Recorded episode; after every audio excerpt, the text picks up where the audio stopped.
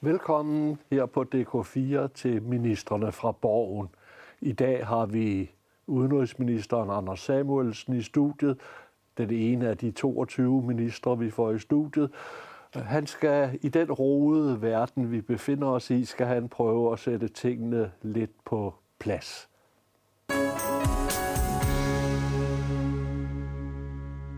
Og Anders Samuelsen, du må begynde med at stille min nysgerrighed. Ja. For ikke så længe siden, der havde du kaldt den saudiarabiske ambassadør til dig. Hvad sker der, når sådan en ambassadør bliver kaldt til udenrigsministeren? Altså sidder I over en hyggelig kop te, og han får at vide, og han ved godt, at det, nu er han gået for langt, og du skal gøre det her.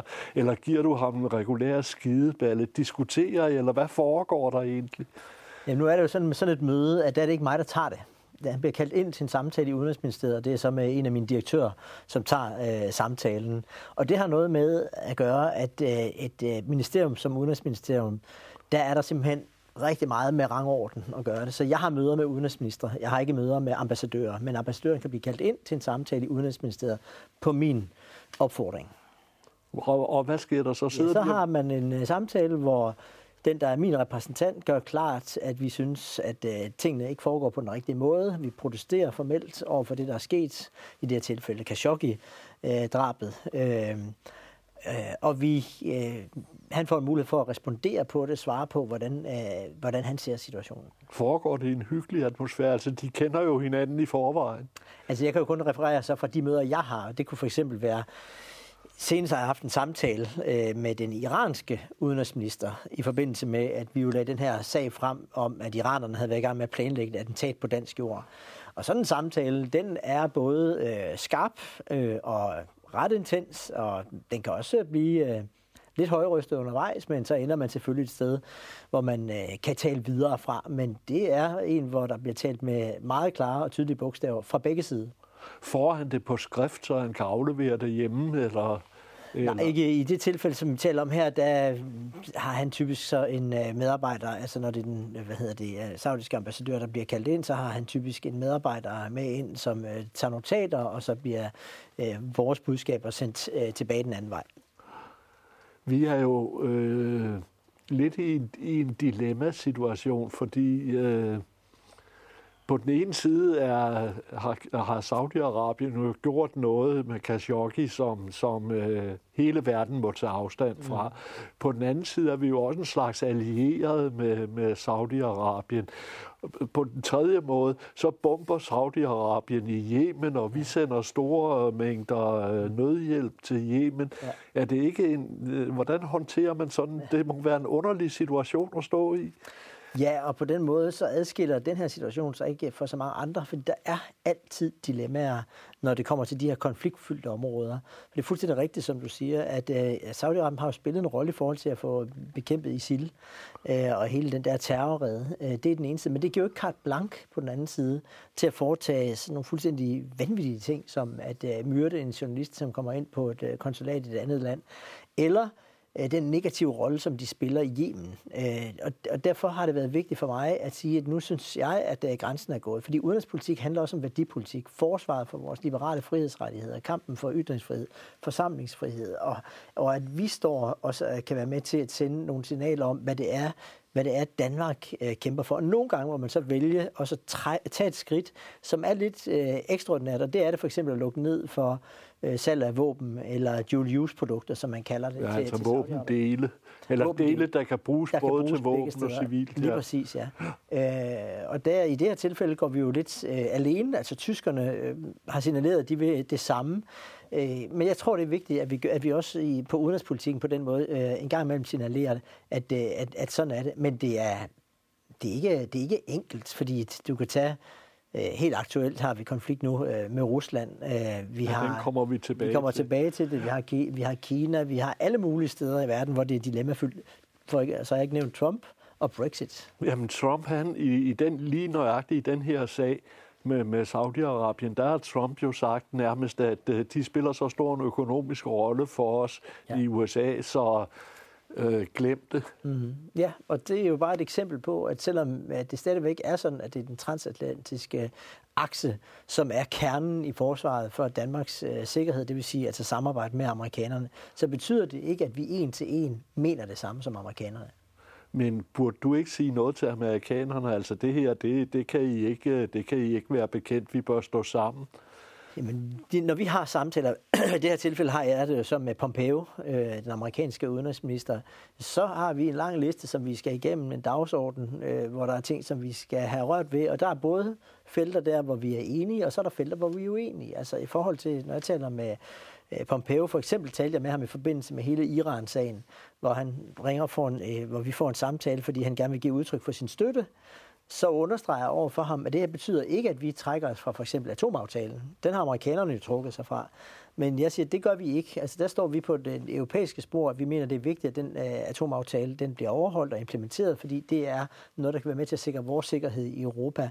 Men omvendt så takker jeg ham selvfølgelig for den, uh, det signal og den opbakning, han giver i forhold til den øh, handling, som Danmark har foretaget i, i forhold til Iran. Dels at vi altså kaldte ambassadøren hjem, dels at vi protesterede så kraftigt, som vi gjorde, og dels at vi gik i gang med at arbejde sammen med europæiske kolleger om at se, om vi kunne udvide sanktionerne mod Iran, uden at vi bryder med atomaftalen. Den liste, du har over minuser ud for Trump, den må efterhånden være meget lang, er den ikke? Jamen, der er jo klart ting, altså de, de har trukket sig fra Paris-aftalen, de har trukket sig fra, som sagt, atomaftalen med, med Iran, men der er også plusser. Altså, de er jo sådan set meget øh, tydelige i forhold til øh, Rusland. Øh, de er meget tydelige i forhold til at være med til at, øh, at øh, engagere sig mere i forsvaret for Europa. De bruger flere penge, bruger flere ressourcer på det, end de har gjort hidtil. Øh, initiativ øh, i forhold til Nordkorea, øh, det ved vi jo ikke, hvordan det lander endnu, men det at forsøge at mase på, for faktisk at få skabt en, øh, en langsigtet løsning på det område, det er også rigtig væsentligt. Når de for eksempel sætter ind i forhold til ulige konkurrence øh, i forhold til Kina, så er vi jo på samme side. Der er vi helt oplagt, at de har, øh, at, at, øh, hvad hedder det, at, det, at det er et problem, som vi skal håndtere. Omvendt så handel for eksempel. Det, at de forsøger at presse tingene over i bilaterale aftaler i stedet for, det vil være en kæmpe katastrofe for Danmark, og derfor så skal vi selvfølgelig stå skulder ved skulder der med vores, med vores europæiske allierede. Jo, der har vi en direkte interesse, men også hvor vi ikke har en direkte interesse, altså når Trump flytter sin uh, ambassade i Israel til Jerusalem, ja. det er jo en decideret provokation, og det er imod den tostatspolitik, som, som har været den vestlige verdens politik i lang tid. Ja, og der følger vi heller ikke det spor. Altså, vi holder fast i den linje, som, som vi mener er den rigtige. Altså, pres på for en, øh, en, en, en tostatsløsning, øh, som parterne kan være enige om. Engagere, øh, opfordre til, at amerikanerne engagerer sig positivt i det, fordi uden amerikanerne, så kommer der ikke nogen løsning. Øh, men jeg har jo også været inde og kigge på, hvordan støtter vi øh, på palæstinensisk side, så vi kan være sikre på, at danske skattekroner ikke går til noget, som indirekte eller direkte støtter øh, terror.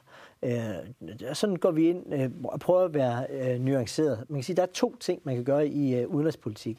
Det ene det er at følge det, som man i øh, klassisk udenrigspolitik øh, kalder at følge det brede midterspor. Det er der, hvor vi altid går sammen med allierede, trygt og godt fremad og sørger for, at der er like-minded lande omkring os, som gør det samme, som vi gør. Og det andet er så, at man nogle gange går ud til kanten og siger, det her det er, det er væsentligt for Danmark. Et klassisk historisk eksempel på det, det var da Uffe Ellemann øh, gik i spidsen for at anerkende de baltiske lande. Der ventede man ikke rigtigt på, at der var like-minded lande, som man kalder det, der gjorde det samme.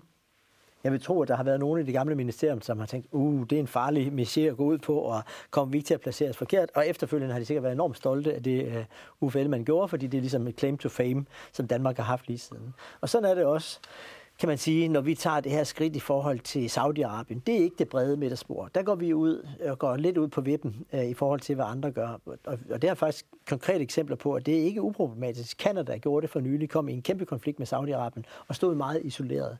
Øh, og det, og det, var, det var en voldsom oplevelse for Canada. Men, men her mener jeg godt, at det kan vi tillade os, for der står så meget på spil, også, at der skal man også ture og gøre det en gang imellem. Når nu du selv bringer Uffe Ellemann på, på banen, så har vi haft en stribe udenrigsminister, der markerede sig betydeligt.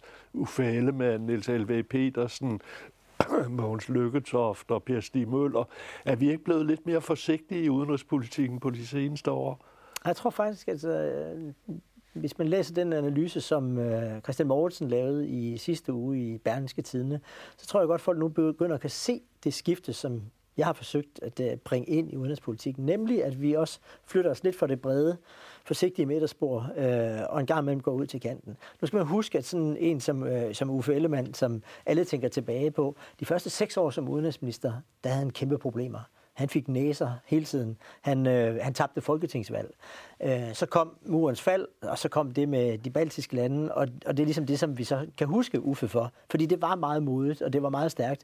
Men det er jo ikke hele historien om hans tid i Udenrigsministeriet. Det samme gælder en Per Stig Møller, han havde nogle initiativer i forhold til Mellemøsten. Det var ikke noget, der skabte fred i Mellemøsten og i forhold til Israel-Palæstina osv., men det var en, en måde at markere dansk udenrigspolitik på. Og sådan vil det være sådan, at for hver enkelt udenrigsminister, måske lige på nær dem, der var der meget kort, og dem har der været en del af i de senere år, at, øh, at, at der, der er noget, hvor man kan sige, når man kommer lidt på afstand især, så er det jo typisk, ah, at de gjorde noget markant der, de gjorde noget markant der. Det, som jeg vil opsummere lige nu, hvis man skal sige noget øh, i forhold til den periode, jeg har haft, det er, at øh, der har været nogle sager, hvor jeg har ment, det har været vigtigt for Danmark, at vi markerer, at her går grænsen. Det kan være Tyrkiet, hvor vi har sagt, at de skal ikke være med i EU, for de bevæger sig i en forkert retning. Det er i forhold til Iran, at gå direkte op imod Iran, øh, i forhold til, når de bryder de her regler. Det kan være i forhold til øh, Rusland, markere, at vi vil ikke finde os i, at man bryder de internationale spilleregler, og senest Saudi-Arabien. Det er sådan nogle ting, som man nok ikke tidligere så i øh, dansk udenrigspolitik, men som jeg i hvert fald mener er vigtigt, at man markerer sig på. Uffe blev husket for de baltiske lande, og så for alle de næser, han og fik. Næserne. Øh, men for de baltiske lande, Per Stig blev husket for det øh, intellektuelle mellemøstengagement, han mm. havde, men som, øh, som hans statsminister ikke rigtig kunne engagere sig i. Mm. Øh, hvad vil du blive husket for? Jeg Eller tror, hvad, ønsker, at, øh, hvad ønsker jamen, du at blive husket ja, for? Men det, det er det, som jeg lige altså, har talt om, det med forsvaret for frihedsrettighederne. At vi kæmper for mere ytringsfrihed, mere forsamlingsfrihed, øh, mere frihed i verden, med udgangspunkt i at forsvare vores egen frihed selvfølgelig. Det vil sige kampen for, at man skal overholde internationale spilleregler. Kampen for, at man, at man tør gå op mod Iran, tør gå op mod uh, Saudi-Arabien, tør gå op mod russerne, når det er nødvendigt. Det vil jeg gerne huskes for, at det var en del af den linje, jeg lagde i udenrigspolitikken. Vi har et problem med Iran, som du siger. Altså, ja. det var formentlig iranske sikkerhedsstyrker, der var, der var øh, årsagen til, at øh, politiet og PET nærmest lukkede landet ned den 28. september øh, på grund af en håndfuld folk i Ringsted. Ja. Øh, hvad er de mennesker for nogen? Er det nogen, vi skal holde med, eller er de kort sagt, er de frihedskæmpere, eller er de terrorister? De tilhører en gruppe, som hedder ASMLA, øh, og det er en gruppe, som kæmper for en uafhængighed i en særlig provins øh, i, øh, i Iran, og de betragter jo sig selv som en form for frihedskæmper. Øh, og det, det kender man jo overalt i verden, øh, at, at, at der er folk, der betragter sig selv som det. Øh, vi havde selv under en verdenskrig, og man kender det alle steder fra. Øh, sagen er, at øh, de, der opholder sig i Danmark lovligt, de skal holde sig inden for vores regler. Derfor har vi jo en sag kørende. Det har de jo gjort. Ja, men vi, vi, vi er faktisk ved at undersøge nogle af de udsagn, der har været omkring fra dem, om de har, om de har opildnet eller billiget terror. Det må man ikke. Man skal holde sig inden for ytringsfrihedens grænser i Danmark. Hvis man gør det, så skal man selvfølgelig kunne leve her i fred. Så skal man ikke leve i en situation, hvor man kan risikere at blive slået ihjel af en fremmed lands efterretningstjeneste. Og derfor har vi reageret så hårdt, fordi at vi øh, PET øh, fik øh, kortlagt, at det, der var øh, i gang, det var, at man forsøgte fra Irans side at planlægge et attentat på dansk jord. Fuldstændig uhørt og helt uacceptabelt. Og derfor markerer vi det, uden egentlig at tage stilling til den konkrete sag. Men fordi det, det de mennesker, de mener, det må, man må jo mene mange ting i Danmark, bare man holder sig inden for lovgivningens rammer.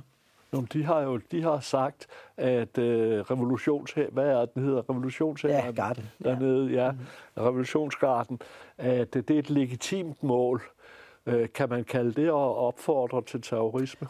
Det kan jeg ikke udtale mig om, men det er der er domstol, som er i gang med at kigge ind på. Øh, og så må vi jo afvente det, fordi vi lever i et demokrati, hvor vi har en tredeling af magten. Jeg er ikke dommer i den slags øh, sager. Øh, jeg skal afvente, hvad øh, de dertil indrettede institutioner konkluderer på det forhold. Så det kører der et spor på i sig selv øh, og det skal have den tid, som det skal tage.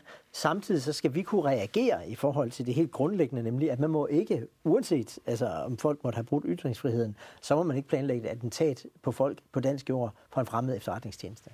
Øh, ja, nu skal vi lige sige, at de er jo ikke sigtet for noget. De er blevet afhørt, men de er ikke sigtet for noget. Sagen er blevet lagt så tydeligt frem, at, øh, at, at, at, at der ikke har været nogen vaklende gelederen heller for vores europæiske Nej, den er ikke kommet til dom, domstolen endnu.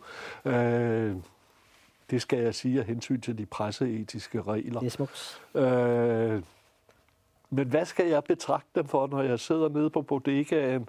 Skal jeg betragte dem som frihedskæmpere, eller skal jeg betragte dem som terrorister? Det blander jeg mig ikke i. Det må du selv finde ud af.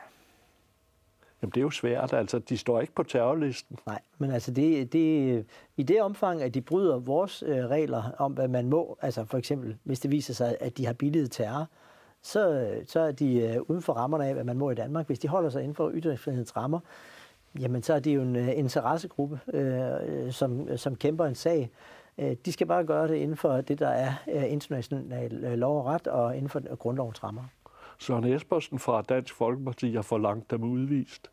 Jamen igen, altså det er jo ikke min opgave som øh, udenrigsminister at udvise folk. Vi har altså en tredeling af magten i det her land, og den vil jeg gerne øh, stå værn om, ligesom jeg forsøger at stå værn om de liberale frihedsrettigheder i resten af verden.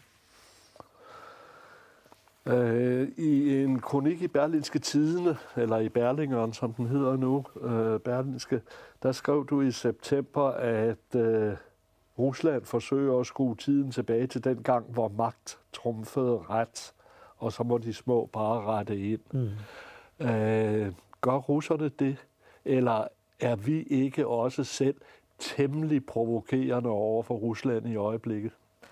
Nej, jeg synes, det er fuldstændig utvetydigt, hvad der, altså, og helt uden for diskussion, hvad der foregår. Det er sådan i international lov og orden, at det er et, et land selv, der beslutter, om man eventuelt vil give et stykke land til et andet land. Det er ikke sådan, at, øh, at, at der kan man komme som storebror og sige, jeg nupper lige en del af jeres land. Altså hvis vi nu forestillede sig, at der var et øh, område i Sønderjylland i dag, som øh, hen over tid øh, øh, blev befolket med Tysklandsindede, så er det jo ikke sådan, at de kan holde deres egen lille folkeafstemning, eller at tyskerne kan komme og sige, nu bor der så mange tyskere der, at nu er det en del af Tyskland. Det er noget, Danmark beslutter. Og det kan vi så vælge at gøre på den ene eller den anden måde. Efter Første Verdenskrig holdt vi folkeafstemning, og hvad ved jeg. Men det er altså ikke noget, som Storebror bare kan bestemme. Og det gælder også her. Der har været fuldstændig klare internationale regler om, at Krim var en del af Ukraine. Det er ikke til diskussion. Man kan ikke begynde så at diskutere, hvad skete der for 50 år siden, eller under Khrushchev, eller hvad ved jeg. Det er det internationale regelsæt, der gælder. Russerne har brudt det. De fører reelt, altså der er jo en reelt nærmest en krig i det østlige øh, Ukraine, samtidig med, at de har taget øh, Krim, bygget en bro hen over det stræde, som der også er konflikt om i, øh, i de her dage. Det er fuldstændig brud på international lov og orden. Øh, de øh, bygger tropper op øh, over ved de baltiske lande, så meget, så vi er nødt til at sende fremskudte tropper op for at støtte de baltiske Eller omvendt. Nej, det er i den her rækkefølge, det foregår. Russerne bygger op, og vi er nødt til at svare ved at øh, lægge, have fremskudt tropper for, øh, for at sende signal til russerne om, det som I har gjort i Georgien, det som I har gjort i Ukraine, det skal ikke begynde på de baltiske lande. Det ligger fuldstændig i forlængelse af, kan man sige, Uffe Ellemanns øh, anerkendelse af de baltiske lande. Det står ikke til diskussion længere, hvor grænserne står. Det er ikke sådan, at russerne kan sige, at der er lige en del af Litauen, eller Estland, eller Letland, hvor der er mange russisk sindede, så nu må vi godt tage det stykke land. Hvis det bliver legitimt at gøre det, så er det virkelig noget, der truer et lille land som Danmark. Fordi vi lever af, at der er en respekt for international lov og orden. Russerne har ansvaret. Russerne er aggressorerne. Russerne har nøglen til løsninger. Ja, men vi følger med. Vi Jamen, prøver det, ikke at tale situationen ned. Vi er også aggressive. Nej, det der, det er altså, det er, undskyld, jeg siger det sådan meget direkte, men det er at ligge under for en eller anden form for øh, russisk retorik, som prøver at, øh, at lave det om til sådan noget what about isme. Altså, så kan man også sige det ene, så kan man også sige det andet. Hvorfor skulle I ikke holde tilbage? Hvis, hvis, hvis tingene skrider i international lov og orden, så skrider det for alvor også for et lille land som Danmark. Og derfor er det vigtigt. Og jeg tror ikke, det er, så, det er ikke sådan, at, at russerne normalt har respekt for soft power. Det, der bliver man nødt til at være meget tydelig og meget konkrete. Og så prøver vi at finde balancen i den måde, vi svarer igen på. Og det er for eksempel gennem sanktionspolitikken. I stedet for at gribe til våben, så prøver vi med sanktionspolitik at overbevise dem om, prøv nu at, at, at gå tilbage til der, hvor vi kom fra, øh, international lov og orden, og finde mindelige løsninger, i stedet for det her med, at man bare går ind og tager et stykke af et andet lands område. Hvorfor skulle vi støtte, eller hvorfor skal vi støtte en ukrainsk regering, som vel er den mest, det mest korrupte land i Europa i øjeblikket. Hvorfor skal vi økonomisk, moralsk og på alle andre måder støtte sådan et land? Her foregår en værdikamp også. Altså, man skal huske på, at efter murens, valg, så var, murens fald, der var Polen og Ukraine nogenlunde på samme niveau. Polen fik en mulighed for at komme med i det europæiske samarbejde. Ukraine øh, stod over på den anden side. Der er kæmpe forskel i dag. Vi har nogle udfordringer med Polen, men det er jo intet altså i forhold til, som du selv antyder, at der er rigtig mange udfordringer i Ukraine. Ukraine ligger her og bliver et, en, kan man sige, en interessant case, især for russerne. Russerne tænker, hvis det lykkes for ukrainerne faktisk gennem Majdan-revolutionen og begynder at få bygget op, og Danmark er med til at støtte, at vi for eksempel får en antikorruptionsdomstol. Du peger fuldstændig rigtigt på, at der er store udfordringer derovre. At vi prøver at begynde at lave institutionsopbygning derovre. Hvis de lykkes med det, er det så noget, det er sådan det der den russiske tænkning, der smitter til andre stater, som ligger i området af Rusland. Det vil de gerne forhindre. Helt banalt gerne forhindre. Men det skal vi jo ikke finde os i. Hvis der er folkets vilje i Ukraine, at man gerne vil i en retning, en mere demokratisk retning, have et, øh, et, øh, hvad hedder det, øh, et, et, et, et sigte med at, at, at få en nation til at fungere både demokratisk, institutionsmæssigt, handelsmæssigt, velstand, øh, for det bygget op, så skal vi jo ikke modarbejde det. Så skal vi gå ind og sige, er der nogle steder, hvor vi kan hjælpe? Nu nævnte du selv Sønderjylland og Første Verdenskrig, hvor øh, det tidligere, eller ja, det tidligere tyske område, Slesvig, blev delt op i tre afstemningszoner. Yes. Øh, en zone gik til Tyskland, to zoner gik til Tyskland, øh, en zone gik til Danmark, og det er det, vi kalder Sønderjylland i dag.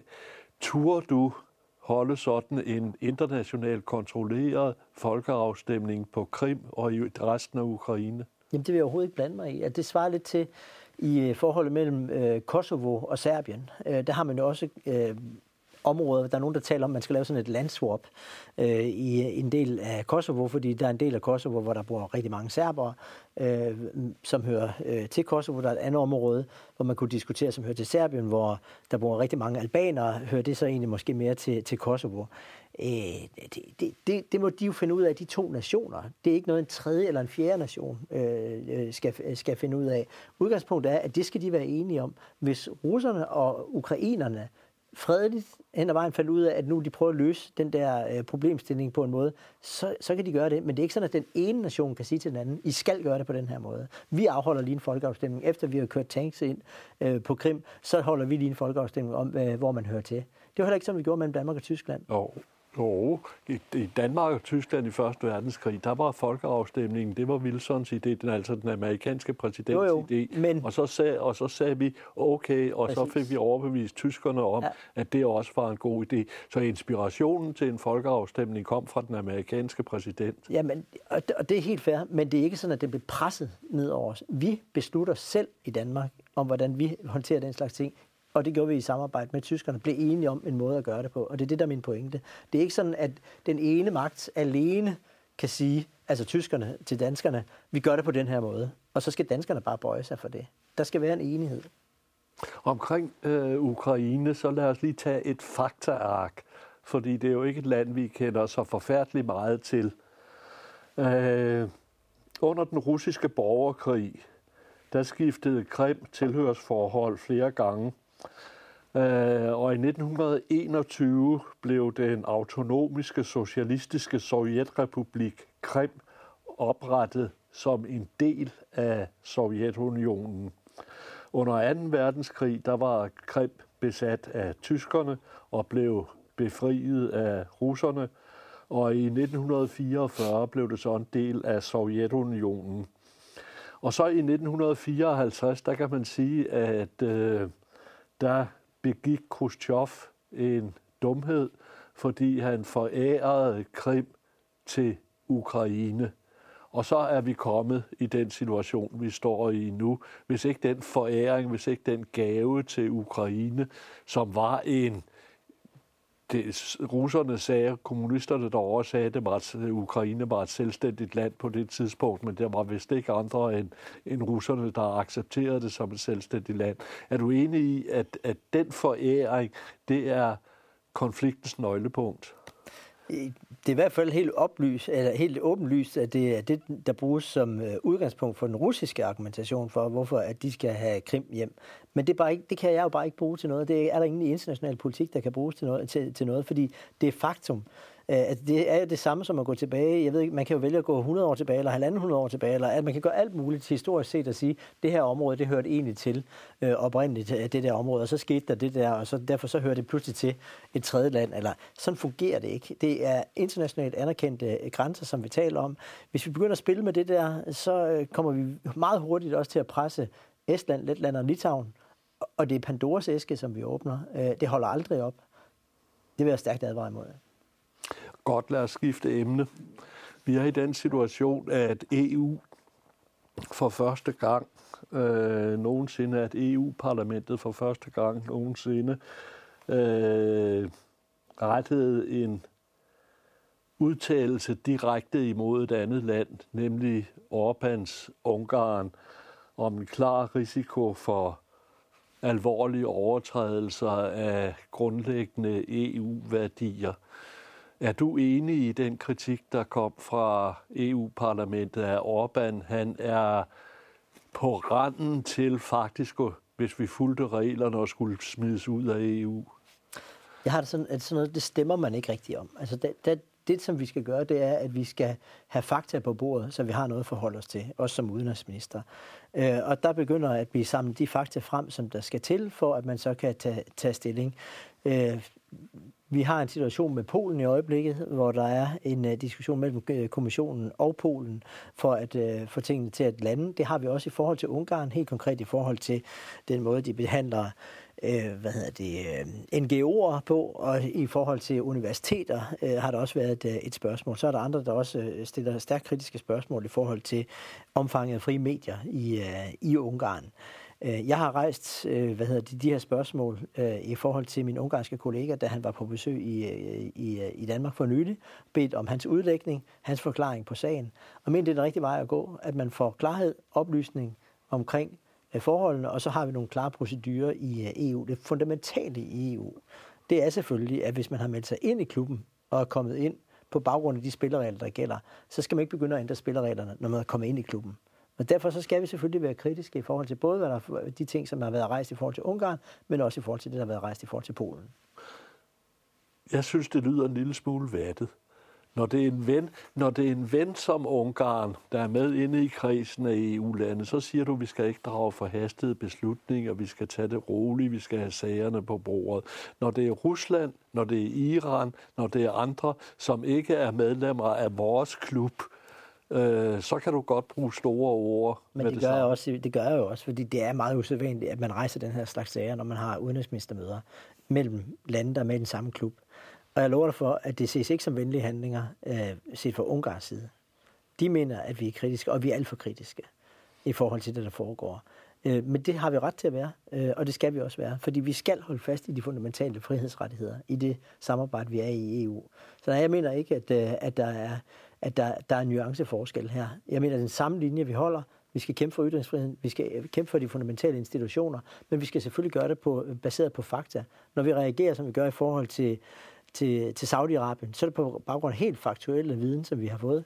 Drabet på Khashoggi, Yemen, den måde, de agerer i Yemen, og en række andre øh, ting, hvor de bare spiller en, en, en dårlig rolle, så agerer vi. Når vi reagerer i forhold til Iran, så er det på baggrund af den information, fakta, der er blevet lagt på bordet fra PET, øh, så reagerer vi. Når vi gør det i forhold til Rusland, så er det fordi, de bryder helt faktuelt internationale spilleregler. Men vi gør det på baggrund af det faktaviden, den faktaviden, vi har. Og det er det, som vi er ved at få gravet os ned i i forhold til, uh, til Ungarn på nuværende tidspunkt. Men selvom vi ikke har alle fakta på bordet, så stiller vi de kritiske spørgsmål allerede nu. Når I mødes i udenrigsministerkrisen i EU, er der så kold luft omkring den ungarske og den polske udenrigsminister? Der går der, der er nogle øh, klare meningsudvekslinger, fordi ty, ty, typisk så er det jo sådan, at vi behandler, altså diskuterer sådan et, øh, et spørgsmål på et udenrigsministermøde. Kommissionen fremlægger sagen den respektive udenrigsminister for det respektive land svarer øh, og føler sig selvfølgelig under pres, øh, også, øh, men, men svarer, øh, forsøger at svare på, øh, på spørgsmål, og så er der en runde, øh, hvad hedder det, hvor alle kommer til ord. Øh, det har været skiftende regeringer, så altså også øh, din regerings øh, overordnede politik, at vi skal være så tæt på kernen i EU som overhovedet muligt. Det er formuleret på lidt forskellige mm. om måder, men, men det betyder sagt på dansk, at øh, vi skal læne os op af England og Tyskland. Øh, nu kan vi ikke læne os op af England mere, men så bliver det vel Tyskland og Frankrig. Øh, men på det seneste har vi set i hvert fald tre af regeringens ministre alliere sig øh, temmelig kraftigt med de østeuropæiske lande, som vi har mange grunde til ellers at kritisere. Altså Inger Støjberg øh, laver grænsepolitik, grænsesamarbejde med Østrig. Esben Lunde Larsen, da han sad som øh, fødevareminister, lavede han øh, forbud mod giftstoffer i landbruget sammen med de allermest yderliggående østeuropæiske lande imod resten af EU.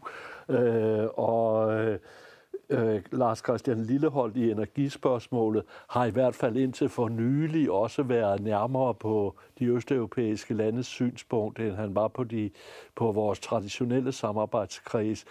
Er vi i kommet vaklet med, kommet i tvivl om, om vi kan være i kernen af, af EU? Nej, men jeg tror, at det, det, der er det rigtige at gøre her, det er egentlig måske at tage et opgør omkring det der med øh, øh, at lægge sig ind til kernen. Fordi hvad er kernen, hvis kernen bevæger sig? Så er det jo svært. Det, man skal gøre i stedet for, det er at lægge sig tæt op af sine principper og holde fast i dem. Øh, og, og mine principper omkring det europæiske samarbejde, det er, at det skal være et fokuseret samarbejde. Det skal fokusere på frihandelen. Det skal fokusere på fredsprojektet. Det skal fokusere på en fri bevægelighed. Det er nogle af de ting, som er det helt væsentlige for mig. Øh, og, øh, og der kan det godt variere fra sag til sag, hvad for nogle lande man allierer sig med. Øh, vi er ikke enige, når franskmændene siger, at der skal være en europæisk her. Det er vi ikke enige i, selvom man kan kalde franskmændene som en del af kernen i det europæiske samarbejde. Det er vi ikke enige i. Vi har også været kritiske i forhold til tyskernes øh, håndtering af flygtningekrisen, umiddelbart efter, da den opstod i 2015, selvom tyskerne er en del af kernen. Og det er fordi, det vi har som udgangspunkt den her regering, det er at have fokus på, hvor er det, EU giver mere værdi for borgerne? Hvordan er det, at vi svarer på frihandelsdiskussionen, på den fri bevægelighed, på fredsperspektivet i det europæiske samarbejde? Så det er kernen for mig. Altså det er sagen, der er kernen, og ikke hvad for nogle lande, som vi arbejder sammen med. Hvis man nu skal bruge et godt gammelt uh, Himmler Bavnsgaard, som du kan huske, uh, citat, så sagde han jo altid, at det handler ikke om, hvem man samarbejder med, men det handler om, hvad man samarbejder om. Det vil sige, at kernen er ikke noget fast defineret. Kernen er nærmest os selv. Øh, kernen er vores principper. Og det er jo de principper, som jeg synes, at ligger dybt i det europæiske samarbejde. Jeg har selv siddet i Europaparlamentet i tre år. Øh, jeg har skrevet bøger om øh, europæisk politik igennem de mange år, jeg efterhånden har været i, i, i politik. Og for mig er det tydeligt, den bog, jeg skrev, som hed Vejen til et bedre Europa, op til, at jeg blev valgt i Europaparlamentet i 2004, at det stadigvæk holder. At det er, når vi har fokus på de her øh, grænseoverskridende pro- problematikker, hvor vi kan give med værdi til borgerne, at, øh, at Europa for alvor kommer til at stå sit værd. Og der kan man så sige, at sådan en situation, der opstår med Brexit og britterne, som øh, vil ud, der bliver det jo også en, kan man sige, en revitalisering af det europæiske samarbejde på samme tid, som det er en krise, man bliver bragt i. Så bliver det også noget med, at kommissionen begynder at øh, forstå, at de skal måske ikke blande sig i alting. Derfor så har vi set et, et meget dramatisk fald i de initiativer, som kommissionen tager. Men man ser også borgerne på den anden side, i hvert fald i Danmark, tydeligvis øh, stille op med større opbakning til det europæiske samarbejde, end det man så tidligere. Fordi pludselig bliver det tydeligt, hvad det er, man risikerer at miste. Du siger godt nok, det er sagen frem for landet. Øh, men alligevel har der ikke været nogen tvivl om, at øh, Storbritannien indtil nu har været vores tætteste allierede, øh, og at vi har haft øh, betydelig sympati, sympati for, for Merkels lederskab i Europa. Britterne har Brexit, Angela Merkel har, er på vej ud. Ja. Kan Macron løfte den opgave, øh, det er at være Europas første mand, eller skal vi finde noget helt andet? Ja, jeg tror nok, at det bliver noget med at finde noget helt andet, fordi at, øh, jeg tror ikke, det er sådan noget med, at der er en, der kan løfte øh, opgaven. Hvordan ser du på Macron som, som øh, en ledende figur i, i, øh, i, øh, i Europa? Er han, er, er, han, er han den, der kunne blive det, eller er han et blålys? På mange af de værdier, han står for, så kunne han godt blive det. Problemet er bare, at hvis man er svækket nationalt, så bliver man også svækket internationalt. Altså, og han er svækket nationalt. Han er under et stort pres. Der er mange, der er skuffet over det, der foregår indrigspolitisk. Selvom han er en stor stjerne, når han kommer til Danmark, og det er han, fordi han tilbeder vores øh, flexicurity-model på arbejdsmarkedet, og han kan se, at folk cykler rundt i gaderne, og vi gør rigtig meget på miljøområdet, og, og vi har fagnet globaliseringen, alt det han gerne vil så har han stadigvæk kæmpe problemer derhjemme. Og det, øh, da Merkel var stærkest, der var hun både stærk indrigspolitisk og udenrigspolitisk. Tingene hænger sammen. Da hun bliver svækket indrigspolitisk efter øh, flygtningekrisen, så bliver hun også svækket internationalt. Så tingene hænger i høj grad... Øh, i høj grad sammen. Så nej, jeg tror ikke, at løsningen ligger i at sige, at der er én person, der skal løfte opgaven. Øh, det er svært, og det kræver også mange år. Altså Merkel kom heller ikke sovende til det. Det er ikke noget, man gør kommer ud af det blå, bliver præsident, og dagen efter, så er man den, der leder hele Europa. Sådan fungerer det ikke. Øh, Jean-Claude Juncker har foreslået, at øh, du sagde før, at en EU her vil vi i hvert fald ikke være med til, det, øh, som er et gammelt fransk ønske, fordi Frankrig altid har haft et noget tvetydigt forhold til NATO, eller i hvert fald til amerikanerne. Øh, Jean-Claude Juncker er gået en lidt anden vej og har foreslået, at EU opretter et fælles grænsekorps på 10.000 mand som dels skal være nationale, men, øh, men også være EU-ansatte, øh, til at passe på EU's ydre grænse. Kan vi øh, engagere os i sådan et forslag? Altså det er jo helt oplagt i hvert fald, at vi skal have en løsning på det der, fordi det har vist sig efter flygtningekrisen, at, øh, at, øh, at, at at de europæiske grænser er et andet sted, hvor vi troede også. Altså nogle gange så tænker vi stadigvæk også, at de europæiske grænser, de ligger ved en italiensk øh, kystby. Det gør de jo ikke. De europæiske grænser ligger reelt i øh, syd for, for Libyen. Fordi hvis man ikke får stoppet folk, inden de kommer ind i Libyen, så kommer de op til kysten, og så kan de komme videre op. Øh, de europæiske grænser øh, under flygtningekrisen viser sig at ligge i Makedonien. Altså, fordi det jo, er jo, folk kom ind i Grækenland, og så får de bare videre op og kom op til Makedonien, og så kunne de øh, gå videre den vej fra. Der Makedonien lukkede grænsen. Så fik man lukket øh, ned og fik så en, en mulighed for at lave en aftale med Tyrkiet efterfølgende, som gjorde, at, øh, at man fik øh, styr på, på Vestbalkanruten. Så vi, har, vi, vi, vi er ret udfordret i øjeblikket. Lige nu har vi rimelig godt styr på det via den aftale, vi har lavet med, med Tyrkiet. Vi har nogenlunde fået bremset øh, strømmen, også øh, via øh, op, mod, øh, op mod Italien. Til gengæld kan vi se, at der er pres på over ved Marokko-Spanien delen. Og det fortæller jo noget om, at vi, vi, kan ikke, vi kan faktisk ikke klare det her alene. Vi bliver nødt til at lave det i et samarbejde, øh, også med nogle lande, som ligger uden øh, for Europa. Hvordan vi så konkret kan bidrage, Øh, Øh, det er et godt spørgsmål. En af de ting, som regeringen øh, har foreslået, som jeg tror på, at der bliver et større perspektiv på i, i fremtiden, det er det her med, at øh, at, øh, at oprette øh, flere flygtningelejre i nærområderne, og hvor vi så er med til at finansiere. Det var noget, Liberale Alliance foreslog som måske det allerførste parti.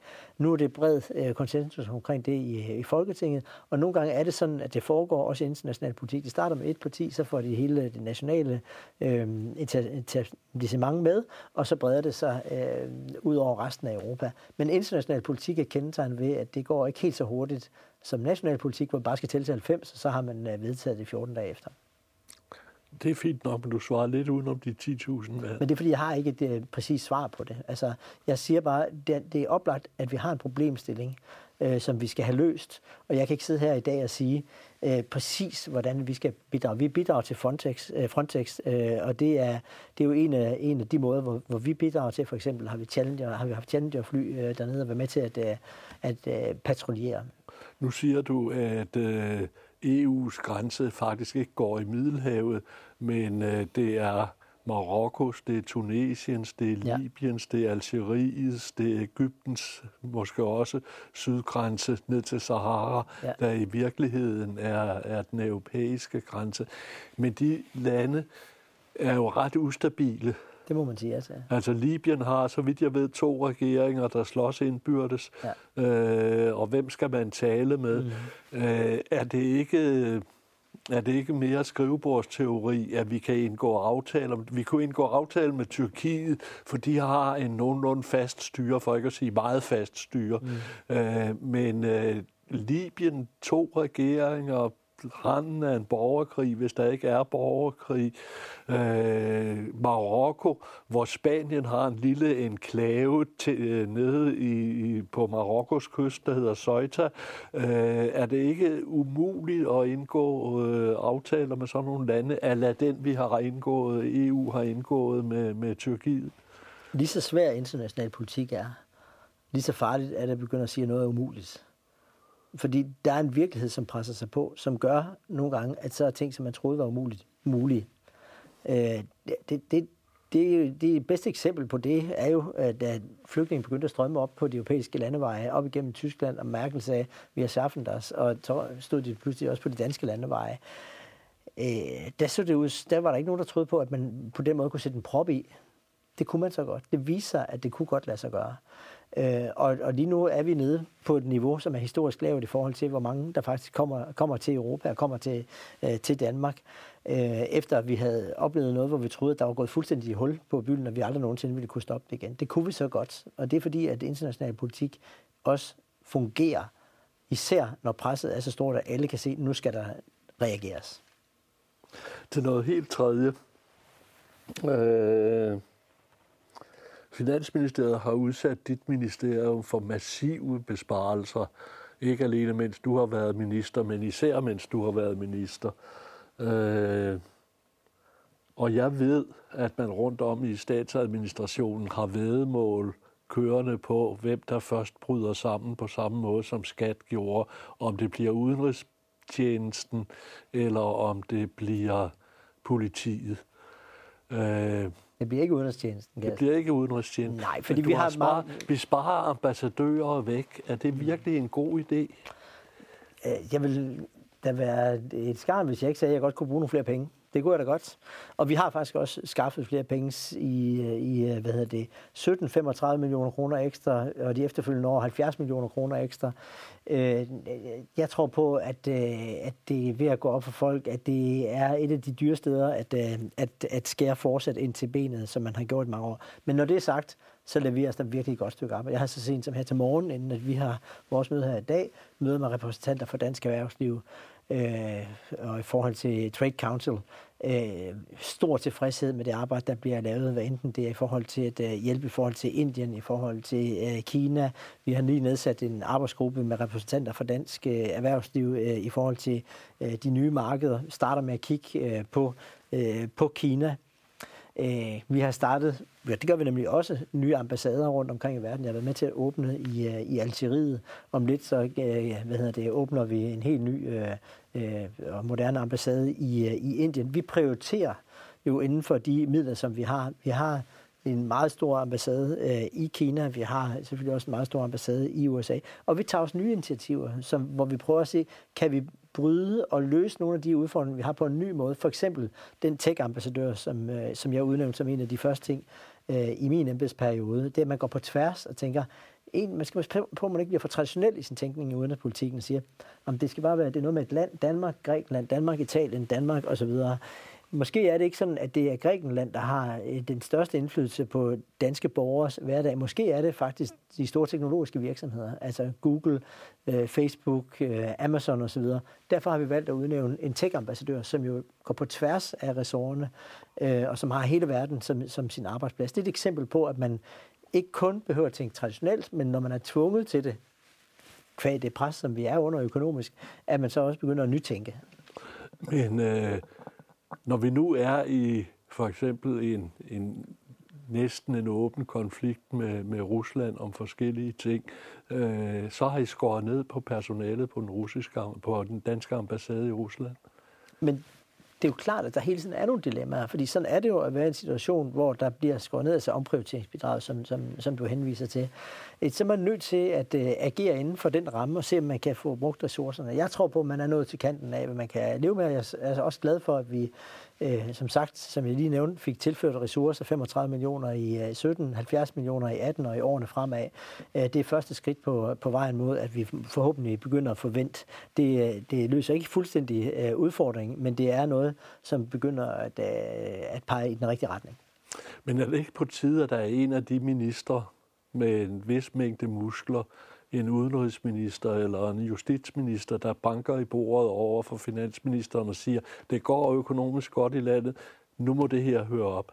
Jo, men det er også sådan, at vi er et kollegium, sådan en regering, og det kunne jeg jo godt øh, fristes til at sige, men det er også klart, at Finansministeriet vil så sige, jamen det er da fint nok, så skal vi lige finde nogle af de kolleger, øh, hvor, der så, hvor pengene skal hentes fra, fordi at, øh, det er ikke sådan, at vi har en uendelig pengekasse. Så må du være med til at pege på øh, og finde ud af sammen med dine kolleger, hvor pengene så skal hentes fra, og det er jo et andet sted. Og jeg lover dig for, at så, når du kommer igennem din liste af minister her i den stol, som jeg sidder i nu her, så vil du øh, kunne stille samme spørgsmål til dem. Er, det nu ikke, er vi ikke gået til kanten? Og det er et land med verdens højeste skattetryk. Der er jeg trods alt så liberal, at jeg tænker, det burde nok kunne lade sig gøre, at vi får brugt ressourcerne på en mere fornuftig måde. Øh, yes. Ulrik Federspil, den tidligere direktør i Udenrigsministeriet og en af Udenrigsministeriets meget fremtrædende direktører gennem tiderne, som også blev departementchef i statsministeriet, og en række tidligere udenrigsministre har advaret mod, at statsministeren, statsministeriet overtager mere og mere af den, om jeg så må sige, udfarende kraft i øh, udenrigspolitikken, og at udenrigsministeriet, det traditionelle diplomati, bliver neddroslet, så det du skal tage dig af sammen med dine embedsmænd, det er handel og plise, industrirådet og alt sådan noget. Mm. Men, men der, hvor det virkelig foregår, øh, så er det statsministeren. Er Udenrigsministeriet efterhånden, ikke bare i Danmark, men i resten af verden, blevet et langt mindre ministerium, langt mindre betydningsfuldt ministerium, end det har været? Altså, det kan godt være, at det har været sådan i nogle år, men det mener jeg faktisk, at vi nu har modbevist. Øh, det er ikke statsministeriet, som står i spidsen øh, i forhold til de reaktioner, vi har lavet i forhold til Iran, i forhold til Saudi-Arabien, øh, i forhold til den måde, vi håndterer konflikten med Rusland på, på nuværende tidspunkt, i forhold til Tyrkiet-diskussionen. Udenrigsministeriet spiller en kæmpe stor rolle. Det er der, at den faglige kompetence sidder, og den sidder dybt, og den sidder i både på tværs og, og, og dybt. Så det er jo også et spørgsmål om, hvem der sidder i stolen. Men oprindeligt i EU for eksempel, der var det tanken, da EU blev skabt, øh, at det var udenrigsministerne, der skulle være det bestemmende. Så tror jeg, det var Pompidou i Frankrig, en fransk præsident, der fandt på, at øh, stats- og regeringscheferne skulle mødes jævnligt. Øh, og så blev topmøderne introduceret, ja. og, og nu, ja, du er med til topmøderne, så vidt jeg ved, men det er statsministeren, der fører ordet. Jo, men det sker jo på baggrund af alt det arbejde, som Udenrigsministeriet har lavet, inden at man når frem. Altså, der jo foregår et kæmpe forberedelsesarbejde. Øh, så jeg er meget tryg ved den, øh, den arbejdsdeling, vi har. En af de, hvis vi du har jo ikke verdens største lovkatalog i Folketinget. Det kan man ikke sige, nej. Øh, det, det men du har et punkt, øh, og det er, at du ønsker at sende en fregat til den persiske golf igen. Øh, er sukkerøverproblemet ikke efterhånden løst dernede? vi er, det, det er vigtigt, at når amerikanerne rækker ud øh, og spørger, om vi vil være med til at bidrage, at så, øh, så er vi der, og at vi øh, også tør at stå i, øh, i, i, i, i første række. Det har så en stor variation i sig. I Afghanistan mistede vi over 40 menneskeliv, øh, og så over til spørgsmål om øh, radarbidrag eller en fregat øh, osv. Men, men det har vi faktisk været så gode til i Danmark, øh, at øh, når jeg en gang om året tager til det, der hedder Counter ISIL-møde, så, er det, så bliver der kaldt på Danmark, fordi vi var det 8. eller 9. land, der stillede op og sagde, den koalition vil vi gerne være med til, altså koalitionen mod ISIL. Øh, vi har aldrig holdt os tilbage. Altså det er mange år siden, at vi har holdt os tilbage, vil jeg hellere sige det på den måde. Øh, og det er, om det er stort eller det er småt, der bliver rækket ud i, så prøver vi efter bedste evne at se, om vi kan øh, være med til at bidrage. Øh, og det er vi også nødt til i en situation, hvor vi jo helt åbenlyst ikke er der og nu, hvor vi kan bidrage med de 2%, som, øh, øh, som man gerne skulle bidrage med på, på forsvarsbudgettet, øh, ifølge de øh, hensigtserklæringer, som, som vi også har været med til at, øh, at skrive under på. Der er vores pointe jo, at øh, til gengæld så bidrager vi meget effektivt, meget synligt, og også frem der, hvor det gør ondt. Da Anders Fogh Rasmussen blev statsminister, der kaldte han sin ambassadør i Indien hjem. Nu har jeg lige i dette sekund glemt, hvad det var, han hed, til at forme en ny udenrigspolitik, eller forme en udenrigspolitik for Anders Fogh Rasmussen. Og en af de ting, som øh, han sagde i, i sine øh, anbefalinger til Anders Fogh Rasmussen, det var, at vi skulle ikke være parat hver gang, amerikanerne, eller hver gang FN kaldte, vi skulle koncentrere vores udenrigspolitik om de steder, hvor vi havde en politisk og en handelsmæssig interesse. Mm.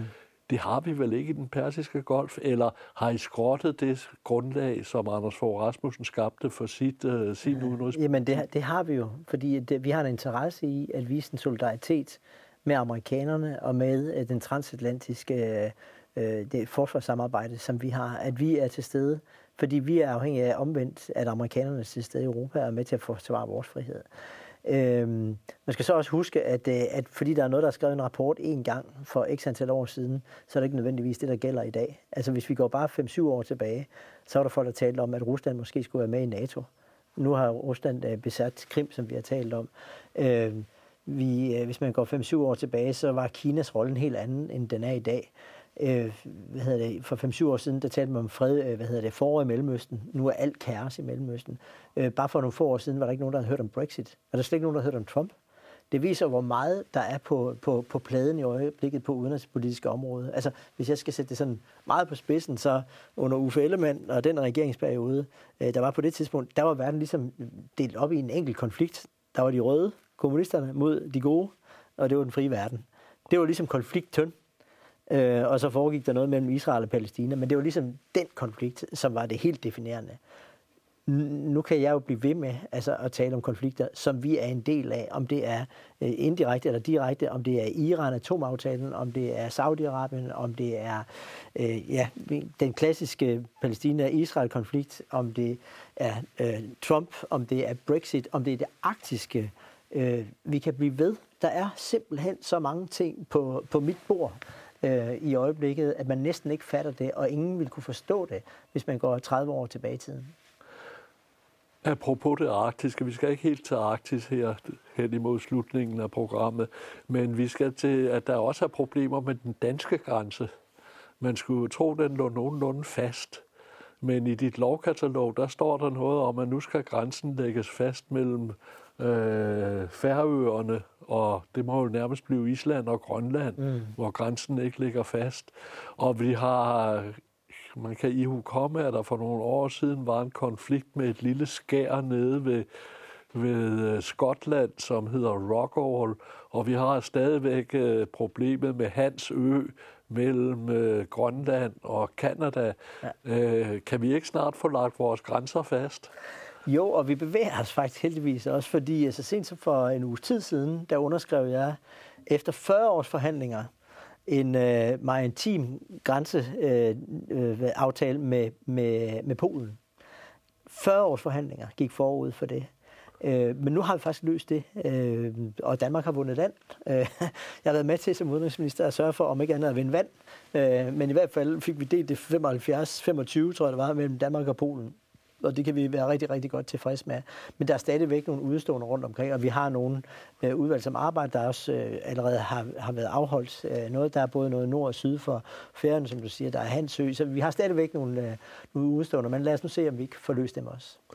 Øh, Rockall, Jamen, det, det samme gør sig gældende. Altså, noget af nu det kan har... Den, nu kan det nu lige pludselig blive interessant, hvis, hvis, øh, hvis øh, Storbritannien Præcis. kommer ud af EU. Ja, ja.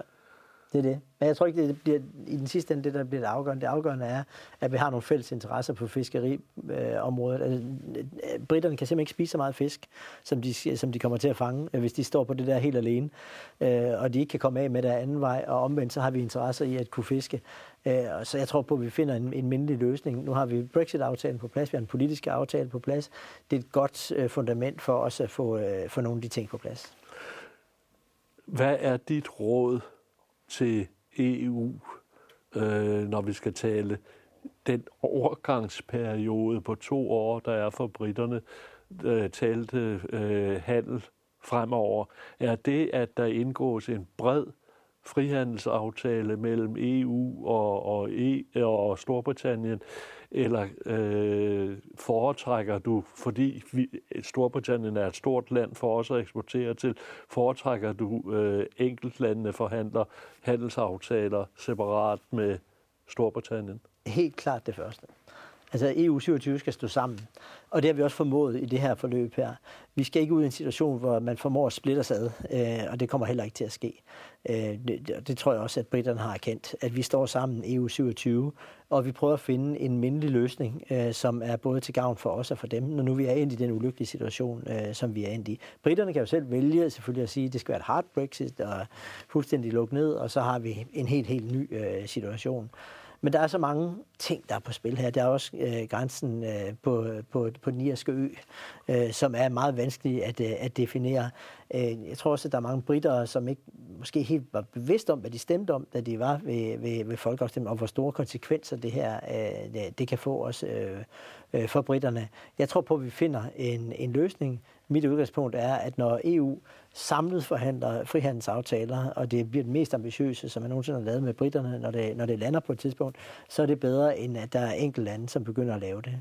Ligesom vi har været godt i gang med og godt på vej med øh, frihandelsaftalen med Japan, øh, med Vietnam, en række andre lande, hvor, hvor, vi, øh, hvor, vi, hvor vi viser, EU viser, at, øh, at vi kan gå forrest. Godt. Tak skal du have, fordi du kom. Det var så lidt.